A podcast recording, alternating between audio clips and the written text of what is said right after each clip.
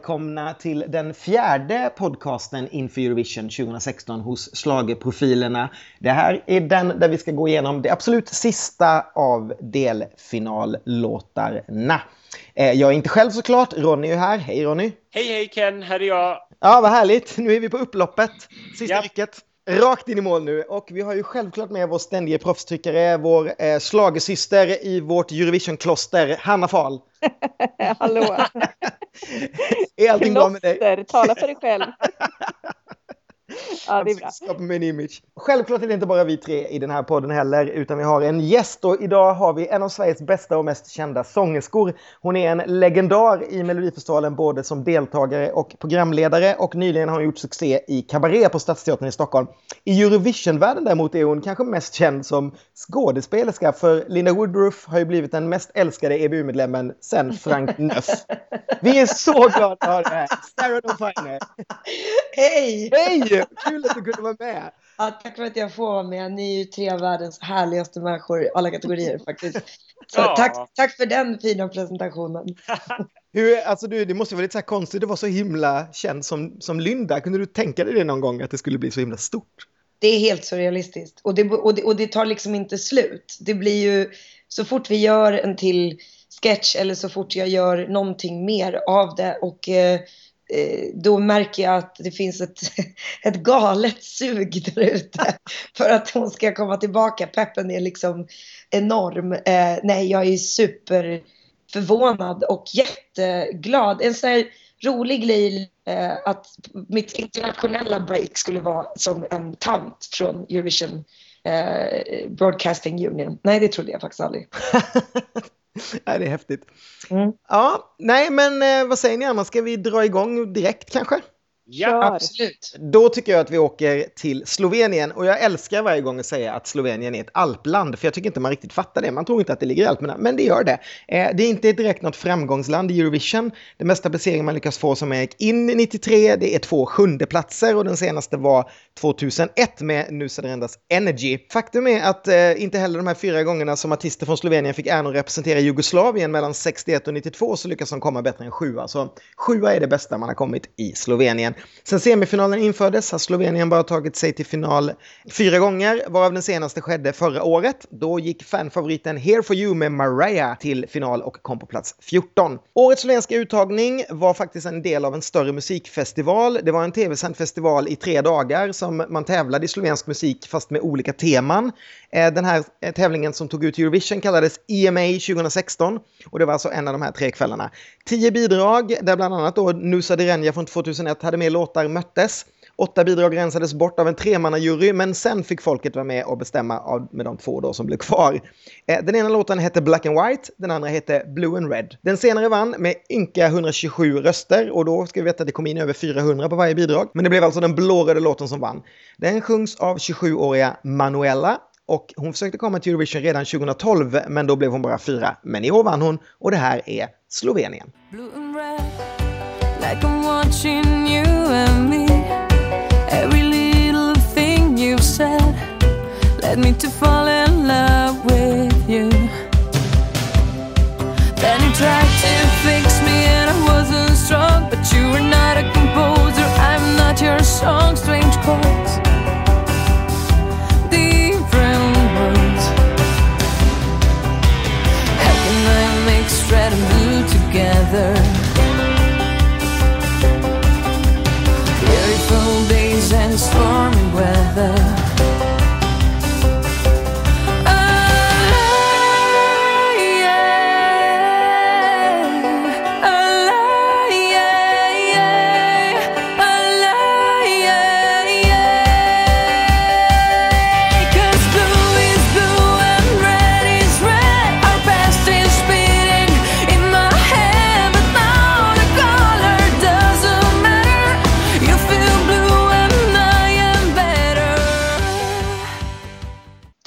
kanske en av de mest så här, tydligt genre eh, låtarna i form av att den låter liksom som någon slags modern country pop.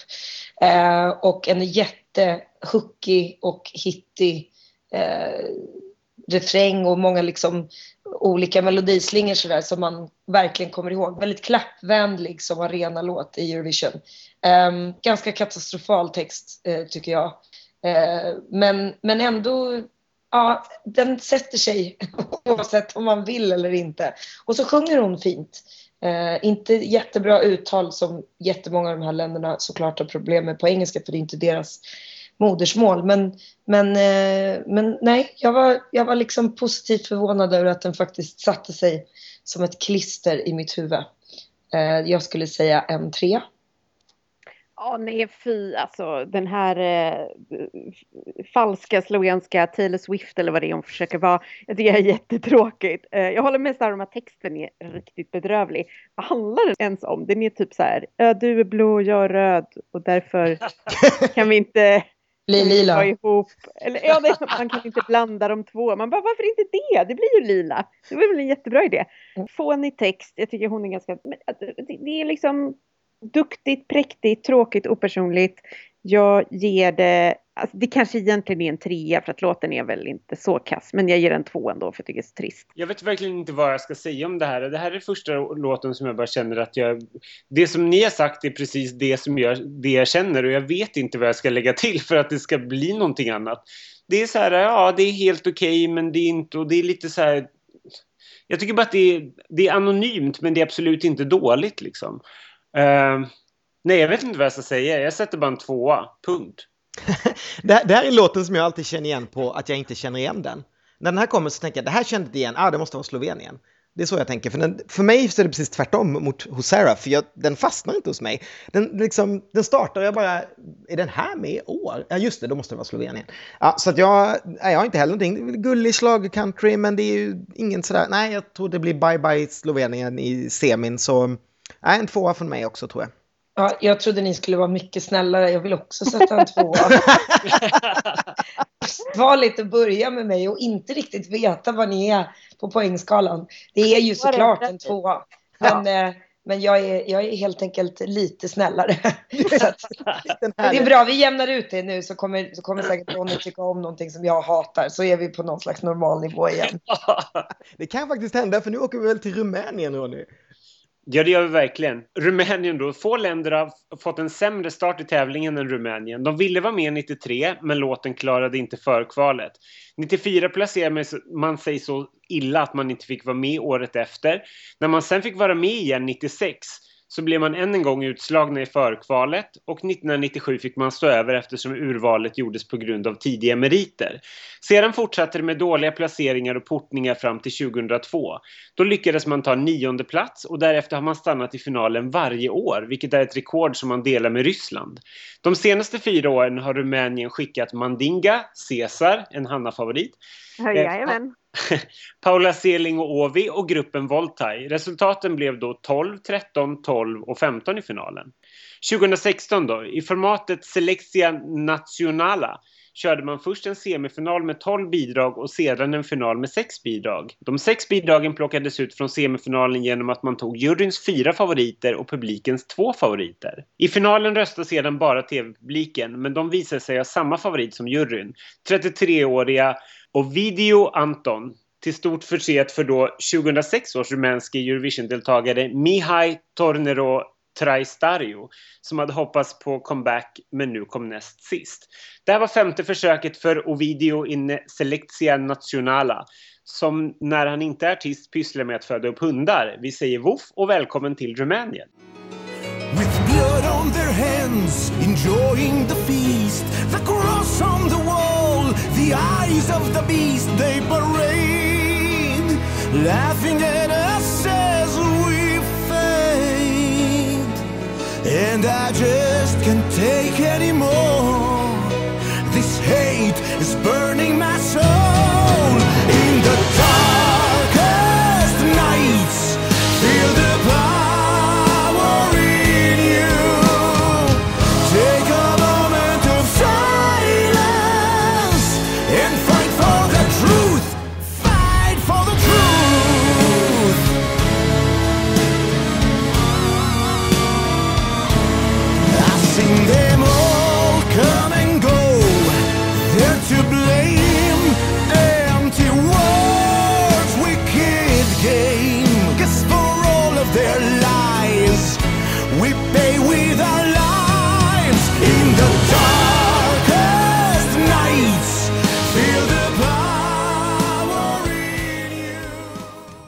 Alltså, bless you Rumänien. Eh, landet som gav oss eh, den här, eh, jag som nämnda, tidigare nämnda Caesars konstiga födsloscen under en gigantisk eh, klänning. Eh, som gav oss Paolo Ovis bisarra cirkelsynt. Eh, ger oss nu den här rundlätte Meatloaf-mannen med en svärdsdansare i bakgrunden. Eh, ja, nej men jag är ju så svag för den här typen av eh, total galenskap. Eh, och jag gillar också den här konstpausen i slutet av låten. Där åtminstone i det framträdandet jag har sett på Youtube så kör han och alla dansarna liksom tre rejäla näven i luften gester. Lade ni märke till det? Det, alltså, det är bara så konstigt alltihop. Eh, jag älskar det såklart. Eh, jag ger en fyra. Alltså det är som att se Game of Thrones, the musical, i någon slags rock Eurovision-tappning. Det är ju, det är ju, precis som Hanna säger, det är fullkomlig galenskap. Och det är också, jag älskar att det är det. Och samtidigt så blir jag arg. För att det är liksom inte musikaliskt tillräckligt bra som låt. Så att bara faktumet att, att det faktum att låten heter Moment of Silence och det är den mest liksom dramafyllda eh, låten som jag nästan har hört känns som en paradox som jag inte riktigt tycker om. Ehm, och sen, alltså, ja, alltså för underhållningsvärdet så är det ju värt en femma för det kommer ju vara extremt underhållande. Eh, men som musik så säger jag en tvåa.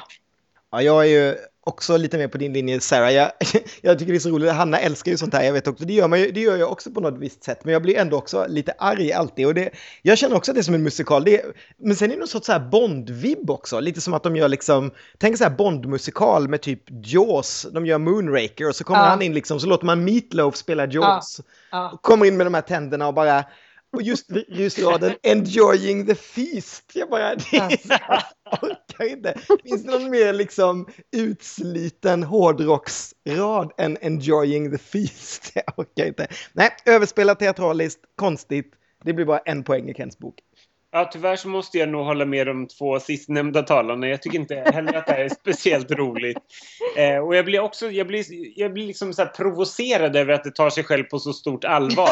Jag kan liksom inte tycka att det är, jag tycker inte att det är kul. Jag tycker bara att det är, det är bara irriterande. Men eh, det finns ändå någonting i låten som jag inte så här, jag, jag hatar det liksom inte. Jag tycker ändå att det finns någonting lite småhärligt där under. Men, men en två är allt. Och från Rumänien är inte steget jättelångt geografiskt i alla fall till Bulgarien. Eh, stackars Bulgarien som har ett ännu mer förskräckligt facit i ryggsäcken nu när de återvänder till Eurovision efter att ha varit borta i två år.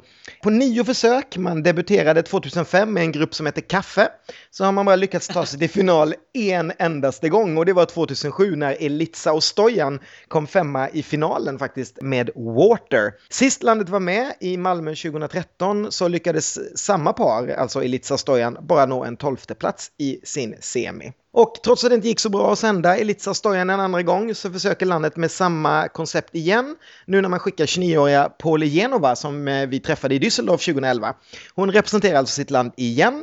Hon har efter sin medverkan då i Eurovision 2011 blivit ett känt namn på hemmaplan. Hon har varit med i bulgariska Let's Dance, hon har varit domare i bulgariska X-Factor, hon eh, har varit en av rösterna i Disneyfilmen Zootropa och förra året så var hon faktiskt programledare för Junior Eurovision då när det gick i Bulgarien. Just nu medverkar hon i tre olika musikaler samtidigt hemma i Sofia enligt hennes pressmaterial. Och eh, både hon och låten, som faktiskt har en svensk låtskrivare någonstans där eh, bland allihopa, valdes internt av tv-bolaget. Så här låter årets bidrag från Bulgarien.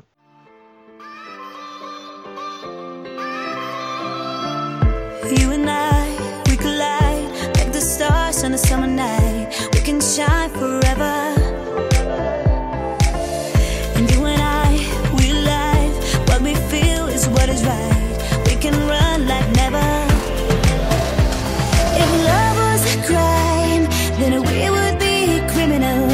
Ногтя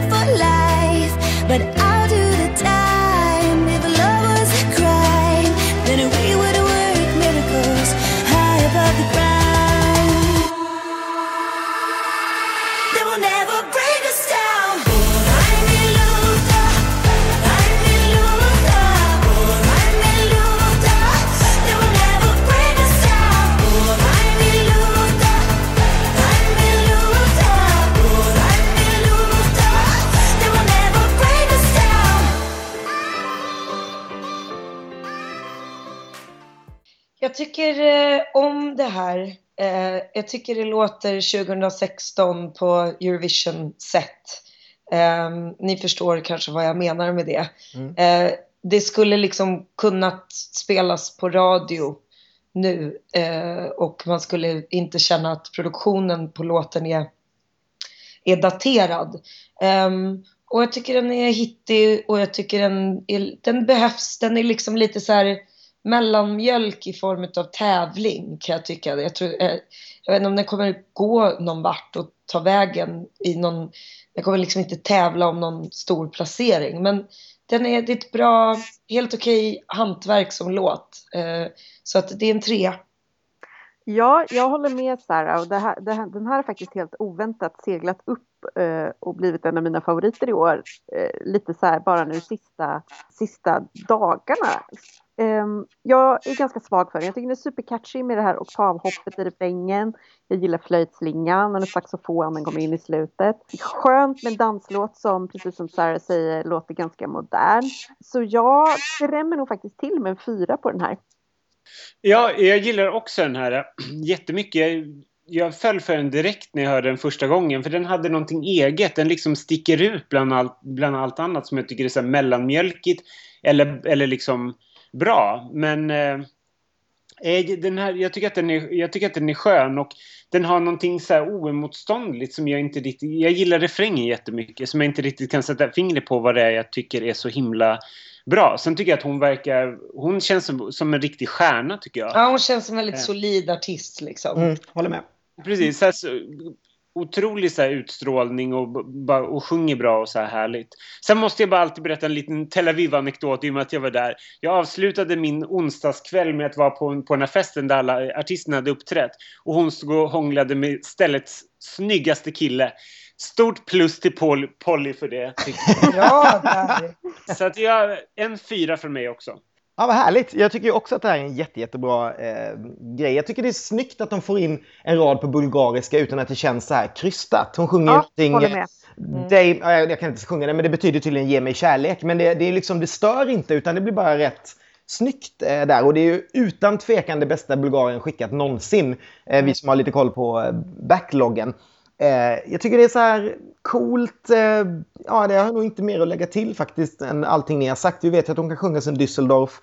Eh, Det här är nog det bästa vi kommer att höra idag i den här podden enligt mig. En stark fyra och jag tror absolut att de kommer gå till final och det är väl det de vill. Sen håller jag väl kanske med Sarah att de kanske inte slåss i toppen även om jag skulle älska om det här var liksom överraskningen som bara drog iväg på något sätt. Det är så här, just för att man bara unnar dem det och henne det och sådär. Ja, en av årets topplåtar för mig, en fyra från mig också. Ja, då ska vi åka till ditt favoritland Ronny. Hurra, vi åkte till Danmark då. Danmark fick ju en väldigt snygg start på sitt Eurovision-tävlande då man lyckades knipa bronset med debuten. Man placerade sig sen topp 10 de följande fem åren och sedan vann man med dansevisor 1963. Men efter det här var det slut på sötebrödsdagen och efter en 14 plats 1966 så blev Danmarks Radio sura. Då lade de ner den danska melodifestivalen och drog sig ur från tävlingen i 12 år. Eh, på grund av att de, de ansåg att det inte var en kvalitetsunderhållning längre. Vilket jag tycker är ett jättekul liksom, utlåtande. När, när det inte gick bra för dem så var det ingen kvalitet längre. 1978 kom de tillbaka och fick en snöplig 16 plats. Och sen fortsatte de att hamna på nedre halvan av resultattabellen fram till början av 80-talet. För på 80-talet då startade en andra glansperiod för danskarna. Mellan 84 och 90 då hamnade danskarna topp 5 fyra gånger och aldrig sämre än 11. Men därefter var det mörker igen. Under 90-talet missade Danmark finalen flera gånger och enda ljuspunkten var egentligen eh, femteplatsen 1995 med Framols till Skien. 2000 vände det igen. Då vann danskarna med bröderna Olsen i Globen. Året efter kom de tvåa med Rollo och King på hemmaplan. Sen toppades ju det här med Emily de Forest seger i Malmö 2013. Förra året misslyckades dock landet för första gången på åtta år att ta sig till final med Antisocial Medias The Way You Are. I år körde de en väldigt basic uttagning som vanligt. Det var tio bidrag som gjorde upp i danska Melodi Grand Prix. Med, med hjälp av hälften juryröster och hälften tittarröster vaskades tre bidrag fram till en superfinal. Där bara tittarröster avgjorde. Och överraskande nog så vann det bidrag av de tre som var minst, minst förhandstippat. Lighthouse X tävlar för Danmark i år och de låter så här. Tell me why we always view the fire, why we tend to close our eyes. What's the reason that we keep on hiding? We can make it if we try. I don't know why we don't care. There's nothing to feel when I know you are there. So let's not wait for someone else to make it right. Make it right.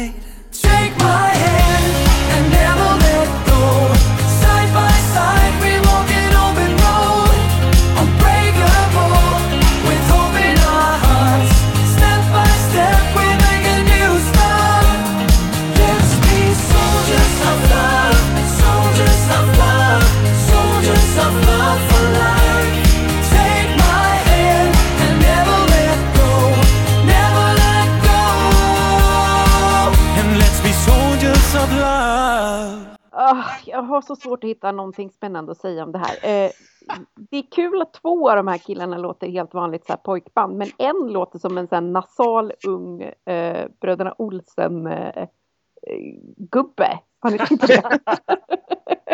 eh, nej, jag vet inte. Soldiers of Love heter låten. Det, förlåt, men den titeln är för töntig. Det här är väl en okej låt, men det är väldigt okarismatiskt. Eh, eh, tvåa. Ah, alltså. Nej, men det är ju liksom en jättehittig refräng. Den är också väldigt arenavänlig med liksom handklapp. De, de, de Antisocial media tror jag det var hade också en sån typ av refräng. Det känns daterat. Det känns ointressant och ospännande. Artisterna känns ospännande. Det är någonting som bara, det händer inte. Det känns som att jag såg det här för 15 år sedan och tyckte då att så här, åh, det här låter popmusik och nu med allt som man hör och ser så känns det som att de borde skicka någonting eh, mer intressant faktiskt. Jag kan säga väldigt mycket om det musikaliska i låten men jag, men jag håller mig till att bara ge den två. Ja, alltså, ja, först ska jag säga då, de heter alltså Lighthouse 10 har jag lärt mig. Alltså krysset är en romersk siffra. Hur man nu ska Aha, veta det. gud, det är ännu töntigare. Nej, det är ännu töntigare, jag vet. Alltså nu, jag ska straffa danskarna och ge dem en etta, för nu måste de sluta skicka så här den ena menlösa låten efter den andra. Alltså innan skickade de ju ändå så här saker som var menlösa men som hade någon sorts hitgrej, så det gick hyfsat bra för dem. Men det här är ju liksom, det är ju blekare än en brittisk albino på Island. Det är ju så tråkigt och så onödigt. Och det enda är ju, de är ju lite, eller två av dem är ju i alla fall lite söta, men och jag skulle inte bli förvånad om de går för vidare av bara farten, för de har ju rätt bra så här startordning. Det är ju ganska nära slutet nu. Så att de skulle säkert kunna halka vidare, men de går ju runt och tror att de ska vinna igen i Sverige, för det har de gjort de senaste två gångerna Eurovision har varit i Sverige. Och glöm det kan jag säga, de ska bli glada om de ens kommer på topp X. Nej, Ja. de får en etta från mig. Nej, jag, jag håller helt med. Jag, tycker, jag blir så provocerad för att det är så konstigt att de ligger så nära oss och vi har så otroligt mycket bättre musiksmak än danskarna. Hur kan Sverige, eller danskarna rösta fram det här? Det är helt, för mig helt ofattbart. Det fanns ju två bättre låtar, de var inte fantastiska, men båda låtarna som de tävlade mot i den här superfinalen var ju så mycket bättre. Och Danmark har ju, min, du nämnde ju i början att Danmark är lite grann mitt favoritland, men det har de ju tappat rejält de senaste två åren. Vilket smörja de skickar. Det är så ointressant och intetsägande så jag inte vet vad jag ska ta vägen. Och det här ska de bara ha ett stort straff för. Jag har god lust att sätta en nolla på det här, men jag sätter ändå en etta. Fy Danmark! Ja, då ska vi faktiskt åka till ett land som jag ska åka till om bara några dagar, nämligen Ukraina. Eh, förra året så avstod Ukraina från att vara med i Eurovision för att man hade finansiella problem i samband med krisen på Krim. Och därmed så avbröt man en 12-årig svit av finalmedverkan i Eurovision. En medverkan som sedan starten gett ett guld, två silver och ett brons eh, i Malmö faktiskt med Zlata och hennes jätte. Sämsta resultatet som de har haft någonsin är en 19 plats i finalen på hemmaplan 2005. Men annars har man kommit på topp 10 två tredjedelar av alla gånger som man ställt upp. Eh, I år då så hade man två semifinaler med nio bidrag i varje. Man vaskade med hjälp av eh, hälften tittarröster och hälften juryröster fram sex finalbidrag. Och i den här juryn som också fanns så hittade vi bland annat Verka Serduchka och Ruslana. Så det var idel Eurovision-kändisar i Ukraina. Eh, I finalen använde man hälften telefonröster, hälften juryröster och det ledde till ett nytt eh, ukrainskt röstningsrekord för tv-röstning. Finalen var otroligt spännande, men eh, när juryns favorit och folkets favorit hamnade på exakt samma poäng så var det till slut folkets röst som avgjorde och deras favorit som vann. Vann gjorde då den 32-åriga Jamala, eller Susanna Jamaldynova som hon egentligen heter. Hon är en spintosopran som vanligen komponerar och framför musik som är en blandning av jazz, soul och R&B. Och hon är redan en etablerad artist på hemmaplan och faktiskt en liten fanfavorit efter att ha försökt komma till Eurovision redan 2011. Eh, Jamala föddes i det som kallas Kirgizistan nu och dit eh, deporterades flera tartarer från Krim av Stalin. Och det är precis om detta som hennes låt eh, handlar. Det är en låt som har rött upp en massa diskussioner redan. Låten handlar alltså om Jamalas gammelfarmor och hennes dotter som dog under den här transporten av tatarer från Krim. Och på den här lastbilen då som de transporterade bort Jamalas gammelfarmor så dog hennes dotter och de slängde av henne som en säck med sopor och det är bland annat det hon har med i texterna då. Hon själv hävdar ju då att det här är en hyllning till de här släktingarna och en mycket personlig sång och att den inte alls har då som kritikerna hävdar att göra med att ryssarna återigen annekterar Krim. Och, eh, delarna som sjungs på eh, tatar eller krimturkiska som det också heter, det är då ord som hennes gammelformor brukade väsa och skrika i, eh, när hon var arg och pratade om sin dotter då. Nåväl, mycket historia här men också lite musik. Här är 1944. Could build a future. Where people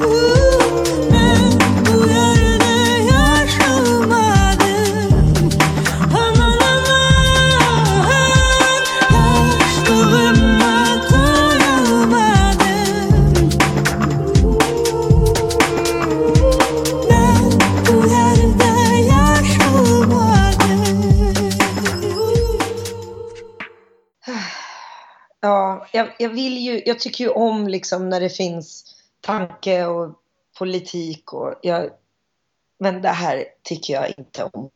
Eh, jag vet inte om det är för att jag tycker att sjunga sån här musik i någon slags operafalsett som hon har hela tiden är vedervärdigt att lyssna på. Eh, och det, det, bara, bara när du sa att, att hon har liksom gett sig på alla de här genrerna som inte har så mycket gemensamt med den här så får jag liksom rysningar av obehag. Um, det, det, är liksom, det finns ju coola partier i låten och den är väldigt etno och eh, väldigt ja, lite så här Eurovision weird när Eurovision är weird. Um, men inte bra weird.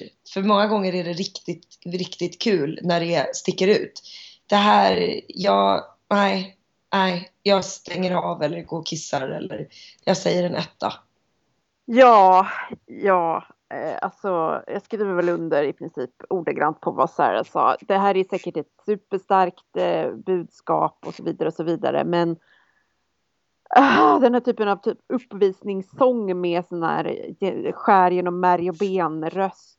Jag, jag klarar inte av det. Jag tycker faktiskt också det är, för att låna Sarahs ord, vedervärdigt. Jag ger en, eh, jag ger en etta i betyget.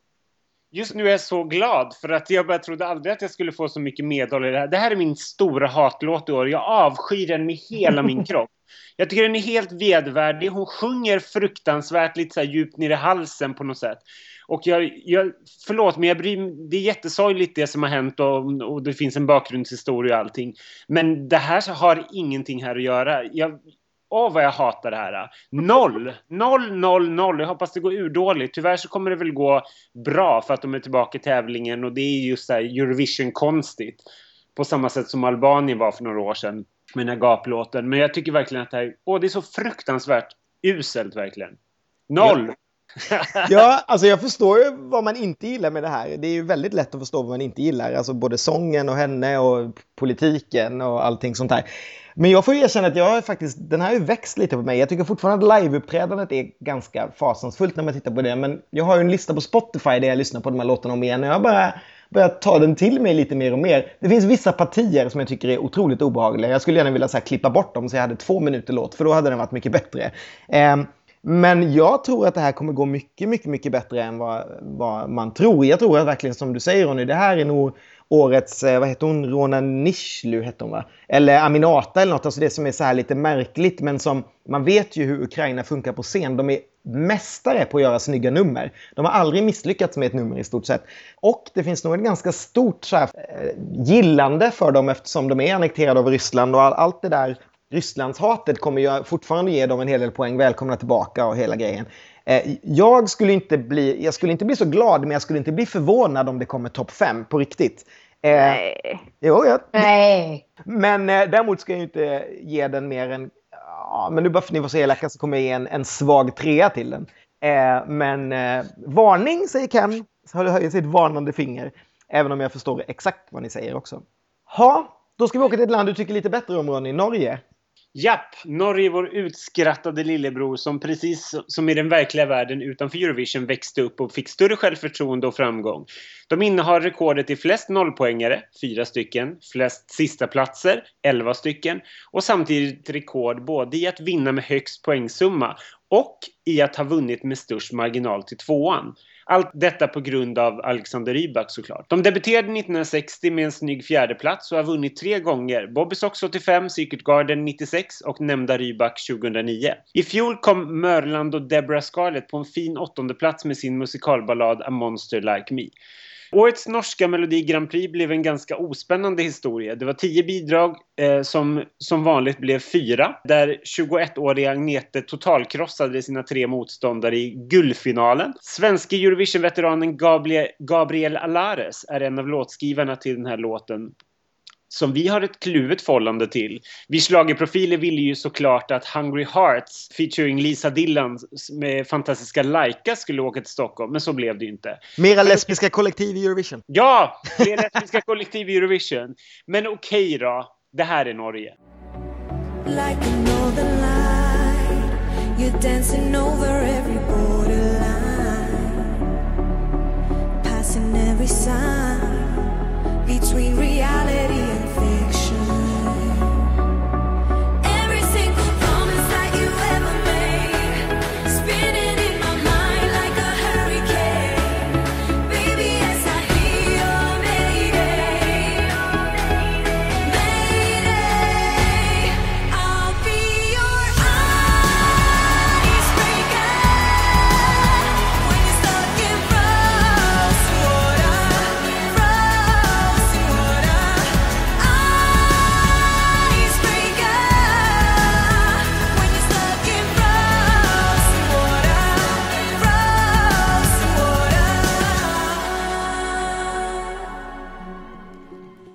Alltså jag blir galen på det här fula krystade tempobytet i den här låten. Det är, alltså det är bara så himla överarbetat och eh, onödigt. Eh, numret eh, och Agnete tycker jag mest ser ut som en sämre Margaret Berger. Eh, om ni kommer ihåg I feed you Åh, gud. my love. Att vi gör. Fantastiskt Som låt. ju var svinbra. Och det här ser liksom likadant ut fast tråkigare, sämre och med ett, ett eh, onödigt tempobyte. Jag ger en tvåa i betyg. Eh, alltså, jag håller med Hanna, jag hatar tempobyten. Jag hatar när det finns två olika låtar i en låt fast man inte riktigt har bestämt sig för vilken låt man ska skriva. Eh, dessutom i det här fallet känns det som att det var typ en refräng som var till en annan låt som de bara plockat in. Sen känns det väldigt mycket proddat i verserna som Euphoria Light och hela hennes framträdande med det vita istället för det svarta och snön och allt. Det känns också lite Euphoria light men någon slags blond eh, konstig uppdaterad version av Agneta Fältskog möter Rihanna. Jag kan inte riktigt alls förstå det här. Och jag tycker inte det är dåligt alls för det är liksom det är, ja, det finns så himla mycket saker som är sämre och Norge är bra på att komponera lite udda men, men, men liksom ändå intressanta melodier. Men jag blir, jag blir frustrerad över att de inte bara körde en låt fullt ut. För att jag får ingen feeling för det rent musikaliskt. Jag kommer ihåg refrängen men jag vill helst glömma bort den och det säger väl mer än eh, inte om låten. Så jag säger en två.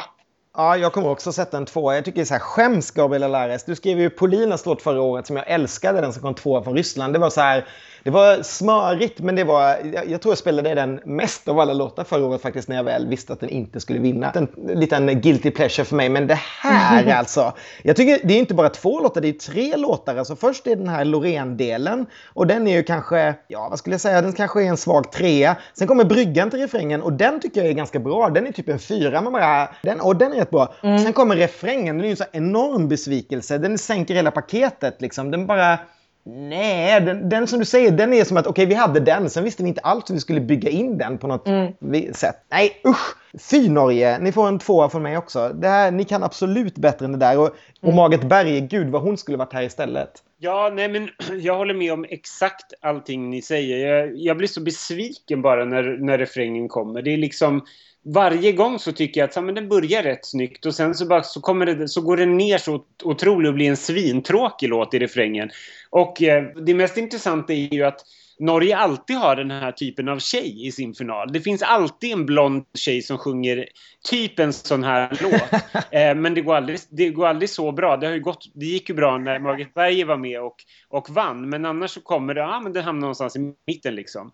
Men det här förstår jag inte alls hur det här kunde vinna. Jag tycker det är så intetsägande. Det är absolut inte dåligt. Och det finns partier som är riktigt bra. Men jag förstår bara inte, jag förstår bara inte varför man skickar det här. Och jag, jag, jag, jag är inte alls säker på att det ens kommer gå till final. Nej, inte jag heller. Faktiskt. Jag tycker bara att det är så här blaha. Ja, nej, jag sätter också en självklart tvåa på det här. Ja, väldigt överens där. Mm. Ja, då ska vi åka till Georgien. Och Georgien gjorde debut i Eurovision Song Contest så sent som 2007 då Sopho hamnade på en tolfte plats med Visionary Dream. 2009 stod man över ett år, dels för att man låg i krig med Ryssland och dels för att EBU inte tillät att man skickade låten man valt som hette We Don't Wanna Put In. Men eh, efter det då som har varit med varenda år. Eh, man har bara lyckats ta sig till final varannat år och 2014 fick man sin hittills sämsta placering då man kom toksist i sin semi med den här hippie blues flummiga låten Three Minutes to Earth. I fjol var man tillbaka i bättre form. Då sjöng Nina Siblati en G-son-låt och kom fyra i sin semi och sen elva i finalen. I år så valde man ut bandet eh, Young Georgian Lolitas och deras sångare Nika Korsarov internt. Och därefter så la man ut fem låtar med bandet på YouTube i 11 dagar i februari. Sen höll man en väldigt snabb final, den var ungefär 10 minuter och man klämde in den typ i landets nyhetsprogram, typ som att Rapport hade 10 minuter Mello. Eh, där fyra internationella domare, två var faktiskt svenskarna Christer Björkman och eh, Sasha Jan Baptist. Hon jobbade med Nina Sublatti i fjol och ska jobba med Georgien i år också vad jag har hört. Två av fyra var alltså och de gav eh, sina poäng från 1 till 5 precis som vi gör här. Så maxpoäng för juryn då totalt om man hade fått alla juryns topp var ju 20 då, poäng.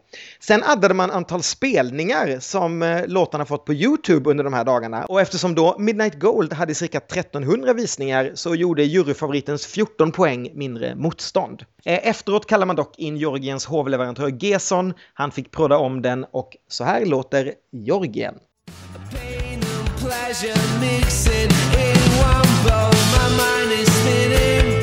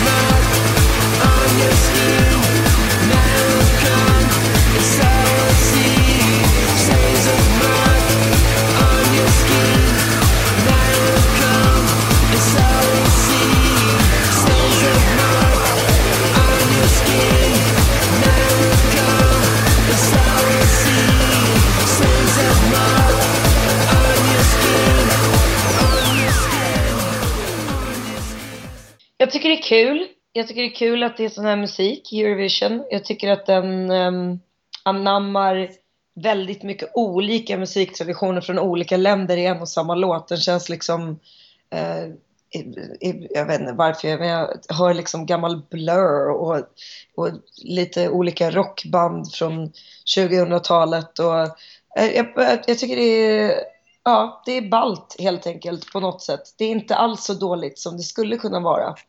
Men i det här sammanhanget i form av Eurovision så känns det lite som en pauslåt för låten i sig lyfter inte riktigt. Um, utan det är mest, den är mest coolt proddad och har liksom en ball idé. Uh, men, men sen händer det inte så mycket mer tills det här jättekonstiga upptempo dansbreaket kom. Och då fattar jag, eller inte dansbreaket, men alltså tills beatet ändrar sig och den, då fattar jag ingenting. Um, och då blev det som att, nej, nu blev jag arg. Um, jag, jag förstår inte när man gör om någonting i mitt i en låt bara för att göra om någonting. Om Sasha ska jobba med det här numret så kommer det säkert bli ett ascoolt nummer. Det är det enda som möjligtvis kan, kan göra att det liksom känns värt att stanna hela vägen till så att den blir jättekonstig. Men jag tyckte att det var i alla fall en stark trea, svag fyra och nu lägger jag väl då, i och med att jag är lite snäll, en svag trea. Nej, satan vad tjatig den här låten är.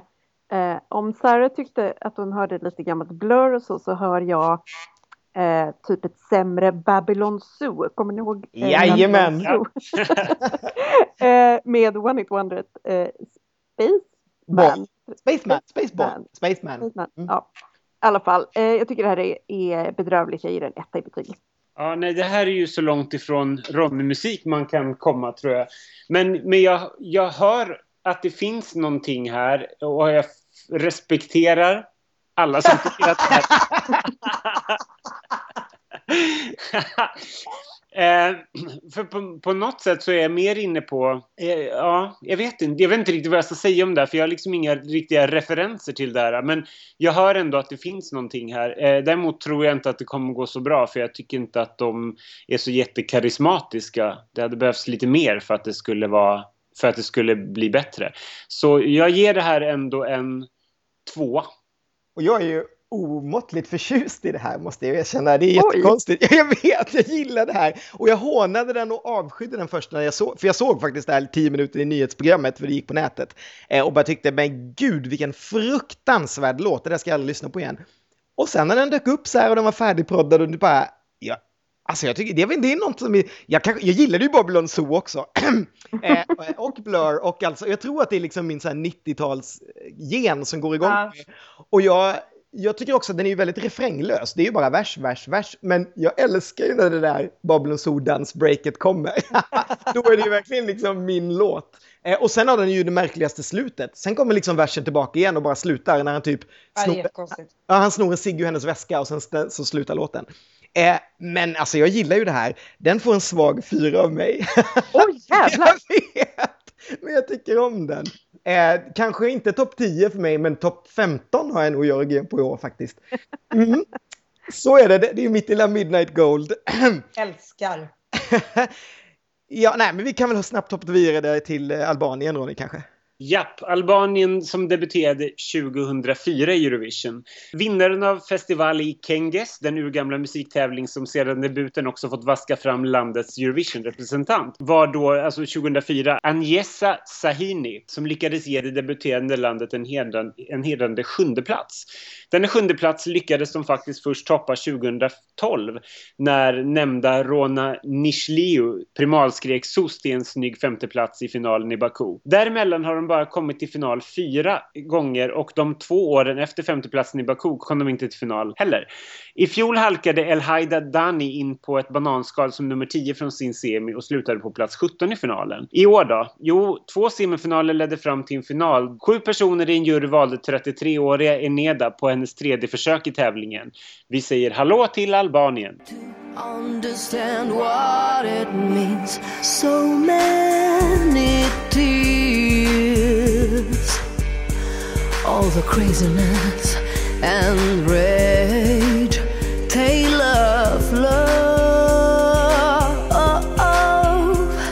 The messages love can bring change. Cause it's you, only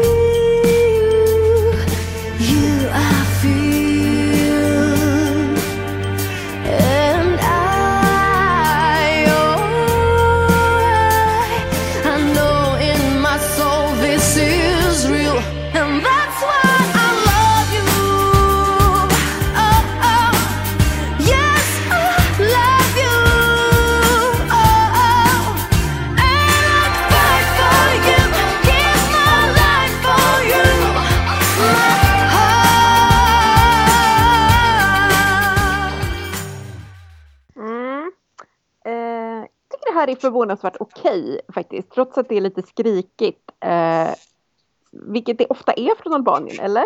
Eller så är det bara jag som tycker att, ja men särskilt Rona Nishliu som jag har nämnt några gånger nu, det var ju hon som också såg ut som hon höll på att strypas av sin egen dreadlock på scenen eh, 2012. Eh, hon var ju väldigt skrikig och det här är också lite skrikigt. Det är väl det kanske är någon sån grej att man sjunger så i Albanien, I don't know. Eh, men förutom det så tycker jag att det här är lite så här Bondlåtsvibbar, eller det vill vara Bondlåtsvibbar i alla fall. Eh, och eh, jag tycker nog att det är värt en svag trea i alla fall. Det finns en bild som jag skickade till Ken när jag skulle dela ut rösterna som Linda Woodruff första gången. När de här dreadlocksen som hon såg ut som hon ströp sig själv med. Eh, när jag sjunger till henne, den, den mindes jag nu. Det, tack för det minnet, det var väldigt, väldigt roligt. Eh, men eh, det, det här är också, jag håller med dig Hanna, det, det är lite så förvånansvärt bra. Eh, däremot så tycker jag versen inte är något bra, men jag tycker väldigt mycket bättre om refrängen. Ehm, och även i viss mån prodden. Rösten däremot eh, tycker jag är ganska påfrestande, precis som du sa. Det skriks och det bara låter omusikaliskt och texten ska vi inte riktigt prata om. Dessutom känns den svåråtkomlig på ett så här onödigt sätt. Att nu ska vi vara lite udda. Fast vi vet inte varför. Och det, det känner jag inte riktigt att jag... Det, jag går liksom inte inför och att förstå när inte det känns som att de riktigt förstår vad de håller på med. Men eh, refrängen i sig skulle jag säga är en eh, trea. Alltså jag är ju så härligt osynk med er idag, för jag tycker att det här är skräp. Kort och gott. Det var ju liksom, den var helt anonym när den var på albanska, som hon gjorde den först i festivalen Kenges. Och så gjorde de om den och så blev den helt olyssningsbar på engelska. Det är så här generiskt, meningslöst, gapigt, helt utan existens, existensberättigande. Alltså texten är ju så meningslös så jag vet inte vad jag ska tillväga. Nej, det här är nog, det här, det här är nog bland det värsta jag vet tror jag. Det är så här, nej det här är nog, nej, noll från mig. Ja, alltså jag är nog mer inne på Kens spår också. Jag tycker inte alls om det här. När, när jag för några veckor sedan skulle sätta mig och lyssna på Eurovision-låtarna och lyssna på dem i bokstavsordning så började jag med Albanien och Armenien och sen ville jag typ, sen lade jag ner allting. Jag orkade inte fortsätta faktiskt. Eh, jag tycker verkligen att jag tycker verkligen att det här är skräp, det är, det är jobbigt, det är gapigt, det är pretentiöst och det är trams. Det är liksom så här Eurovision-trams verkligen. Och, och inte kul trams utan det är trams på ett väldigt jobbigt sätt. Eh, men jag ger det en etta för det är inte fullt lika dåligt som Ukraina. Ja, och hade du bara hållit ut efter Albanien och Armenien så hade du nästan kommit till Belgien som ju går ut sist. Och det får de ju tacka Christer Björkman för att hamna på den platsen. Det är faktiskt bara två bidrag som inte har tagit sig till finalen när de har startat sist. Dels The Toppers som var med, jag kommer inte ihåg när det var, eh, och dels eh, Moje 3, de här tre tjejerna från Serbien som var med i Malmö 2013 och en var djävul, en var ängel och än sjöng. Men annars så är det ett ganska bra facit att gå ut sist så att vi får väl se hur det går för Belgien.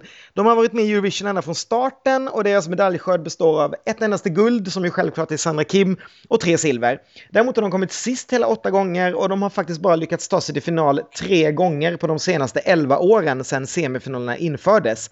De gångerna de har gått vidare så har det dock gått lite bättre. Tom Dice eh, gick vidare 2010 och kom ganska bra. I Malmö kom ju Roberto Bellarosa 12 och i fjol så kom ju den verkliga succén när Loic Nott kom tvåa i sin semi och fyra i finalen, vilket var landets bästa placering på 12 år. Sen Sanomi kom tvåa, helt obegripligt.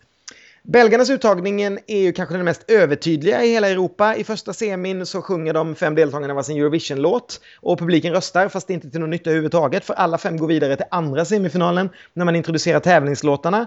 Fast då har man ett ganska enkelt C-nummer och så röstar alla tittarna men det är också till ingen nytta utan eh, sen går man vidare igen och då får man eh, sjunga sin låt igen fast med ett lite mer dyrt nummer. Och här röstar publiken då igen och en internationell jury. Publiken hade lika mycket att säga till om i Belgien som i Sverige. Eh, men det hade inte så stor betydelse för att alla tyckte nämligen att eh, Laura Tesoro var bäst. Eh, och det tyckte de förresten hela vägen när de höll på att rösta, även i de här meningslösa omgångarna. Så att egentligen så hade de ju kunnat avgjort det redan på första. 19-åriga Laura är redan ett känt namn i Belgien. Hon kom tvåa i tredje säsongen av The Voice och hon har en populär roll i såpan Familjen som har gått på belgisk tv i över 20 år. Jag misstänker att hon inte var med från början, men här är Belgien. Hit it!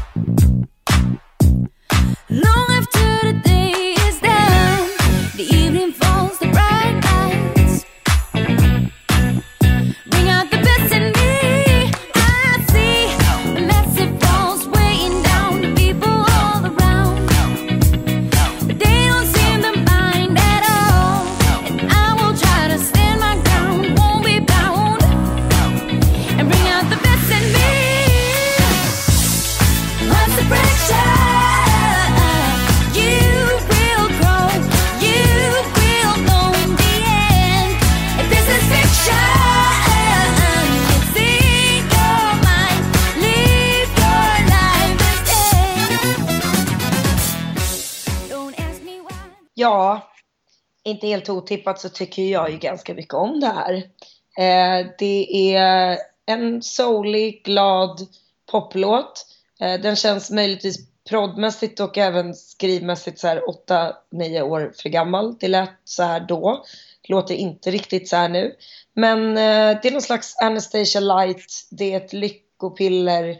Det är en eh, hyfsat eh, modern genre i Eurovision-sammanhang med en eh, härlig tjej som kan sjunga.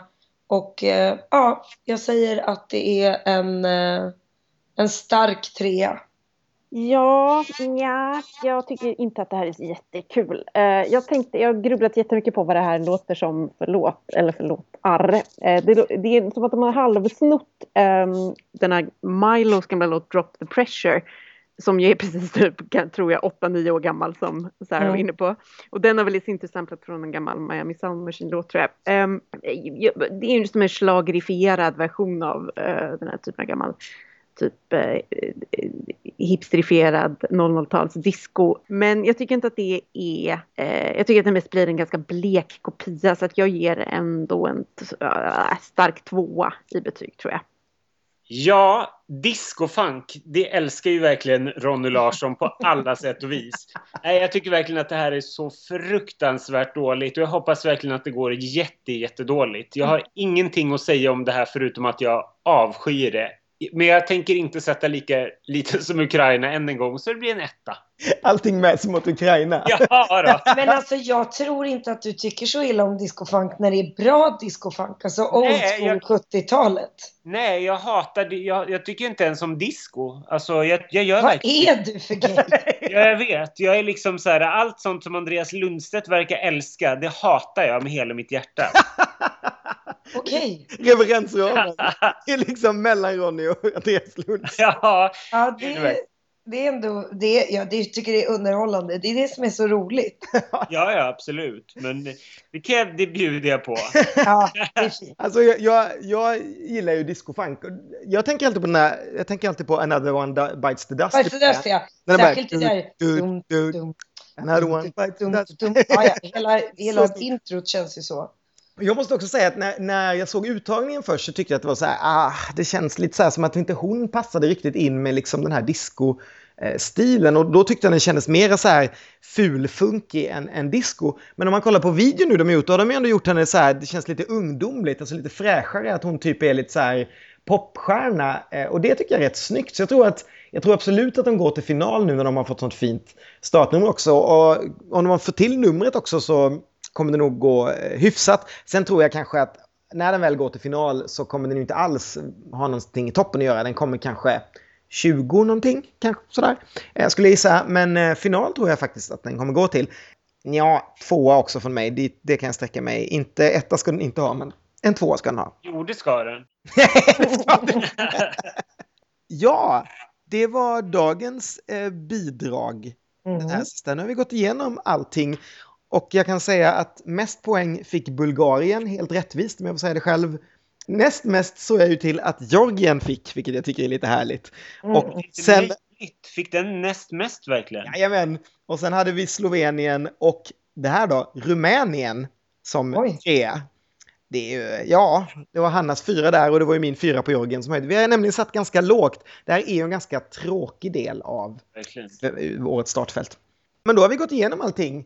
Alltså det man ändå kan säga för Sveriges del är ju att vi skickar någonting helt annorlunda än väldigt, väldigt många länder gör. Ja, absolut. Och, eh, det, det, det betyder inte att det kommer att gå eh, jättebra, men, men jag tycker ändå att det är roligt för vi skickar ganska ofta likriktade popmelodier och den vi har skickat i år känns inte så svensk. Den hade kunnat komma från England och den hade kunnat komma från USA. För att den är, framförallt från England, för att den är liksom skriven på ett väldigt osvenskt sätt med en inte superhookig, lång, stor melodisk refräng utan bara en, en, en rad som man sjunger om och om igen. Liksom. Um, och jag tycker, det är lite, jag tycker det är roligt och jag tycker också att det är spännande att när vi har vunnit Eurovision eh, som hände med Loreen sist och även som hände förra gången vi vann Eurovision så har vi en tendens att tänka annorlunda när vi röstar fram en vinnare i Sverige. Det är som att folk slutar tänka på att någon måste vinna Eurovision och man röstar med lite andra öron. Därav kunde Robin Stjernberg till exempel vinna, som kanske inte var en, en eh, supertippad vinnare förra gången heller, men en ganska musikaliskt intressant låt. Likaså är ju eh, If I Were Sorry det.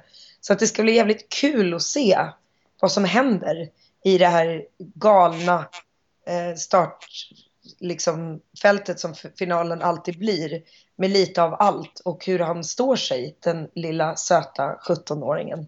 Um, en fråga vi måste ändå ha med i podden är ju eh, om du kommer ha någonting med Eurovision att göra, om du får säga det. Eh, det får jag inte säga. Okej. Eh, men, eh, men det ska bli väldigt roligt och alltså såklart är det helt annorlunda för oss alla när det är på hemmaplan. Därför att allting är ju roligt med varje program på ett helt annat sätt. Vi är så delaktiga i, eh, i produktionen och i vilka som jobbar med den och Måns och Petra och alla mellanakter och allt som ska göras liksom. Så att det, jag tror att oavsett om man är delaktig i produktionen eller inte så känner man sig delaktig. Det gör ju säkert även ni. Eh, för att vi är i Sverige och att, att vi får liksom... Vi är ju ett väldigt speciellt Eurovision-land för att vi är ju det landet som på något sätt känns som att vi tar Eurovision på allra största allvar och vi, vi tar Melodifestivalen på största allvar i vårt land. Så att liksom, det, är- det är skönt att vi får göra det för att vi, de som gör programmet har en sån oerhörd kärlek till Eurovision. Det är inte bara utkastat på något tv-bolag som tänker nu ska vi promota vårt land på bästa sätt. Utan vi eh, är, vi är ganska måna, särskilt i och med att vi vann redan för tre år sedan, att liksom landet, absolut, det är klart att vi ska promota Sverige på bästa sätt, men framförallt så ska vi göra ett Eurovision för alla som älskar Eurovision. Mm. Ja, verkligen. Ja, jag håller helt med. Du, du är inte sugen på att tävla själv i Eurovision någon gång? Jo, det är jag, men jag är, jag är sugen på att tävla för England. Alltså, jag vill ju jättegärna, hade ju jättegärna framförallt 2009 representerat Sverige, men jag tycker att bara i år har vi väl ett, det bästa exemplet på många år på hur svårt det är att komma in och inte vara eh, ung och ny och underdog och liksom ett oskrivet blad. Alltså jag blir så lycklig över att jag har en så fin publik i Eurovision och Melodifestivalsammanhang som verkligen, verkligen vill att jag ska komma tillbaka. Men det är läskigt därför att om jag skulle komma tillbaka och göra den musik som jag skriver nu för kommande projekt till exempel så har den inte så mycket i Sveriges moderna melodifestival att göra, tror jag. Eh, alltså utifrån vad jag tror att folk vill att jag ska komma tillbaka och sjunga. Eh, och jag tror att jag är lite rädd för att, jag hatade att tävla, jag tycker det är skitläskigt. Och jag är lite rädd för att komma tillbaka och liksom alla säger att, jaha, varför gjorde hon en sån låt? Alltså det är ändå sju år sedan jag var med. Mm. Och det har hänt mycket i mitt liv musikaliskt och jag, jag, jag vågade inte ens vara med 2009 utan behövde övertalas för att jag var så nöjd med hur det hade gått 2007 och tänkte att det kommer jag aldrig toppa.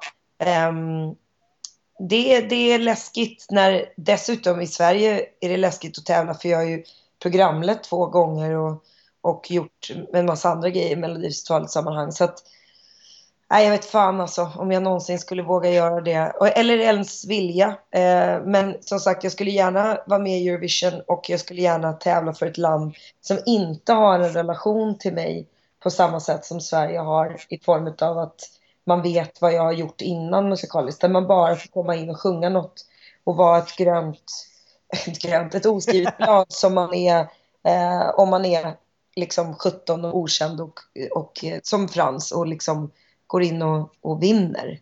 Skulle jag komma till det läget där jag känner att fan, jag har gjort en, en låt som jag är jättestolt över, som jag skulle vilja göra ett snyggt nummer med och som jag skulle vilja presentera för Melodifestivalpubliken oavsett hur det går. Absolut, då, då kanske jag kör. Men det Mm. känns som, och jag vet inte om det är för att jag har liksom Christer Björkmans ord i huvudet, men det känns som att, att det finns någon så här, du måste komma tillbaka och vinna attityd med mig. Och det kan jag inte leva upp till. Nej. Mm. Jag förstår, vad du menar. jag förstår absolut vad du menar. Jag tycker att det låter helt vettigt resonerat. Nej, men det tror jag är helt rätt inställning du har där. Jag tror bara du ska lyssna på dig själv där. När du har den där låten och bara vill dit och göra ett gött nummer som är för din publik så ska du göra det. Du ska inte tänka jag måste vinna. Nej. För det, Nej. det går inte att gå in och, den ska, och det ska bara hålla det hela vägen och bara det är den linjen man kör. Då tror jag det kommer gå. För jag menar, eh, visst det, det var väldigt ungt i år. De måste göra, kanske kalibrera någonting på appen. Men åren innan har det ju faktiskt varit precis tvärtom. Då har det varit de här gamla inom citationstecken artisterna som kommer tillbaka. Folkkära, Sanna, Måns Ja. som kommer tillbaka. Och folk bara Ja, men så, och bara hylla dem liksom till en helt Ja. ny, ny nivå. Så att jag tror inte att, jag tror att det här, det här var årets grej och lite det du sa innan också. För att vi vann Eurovision och då röstar folk på ett sätt.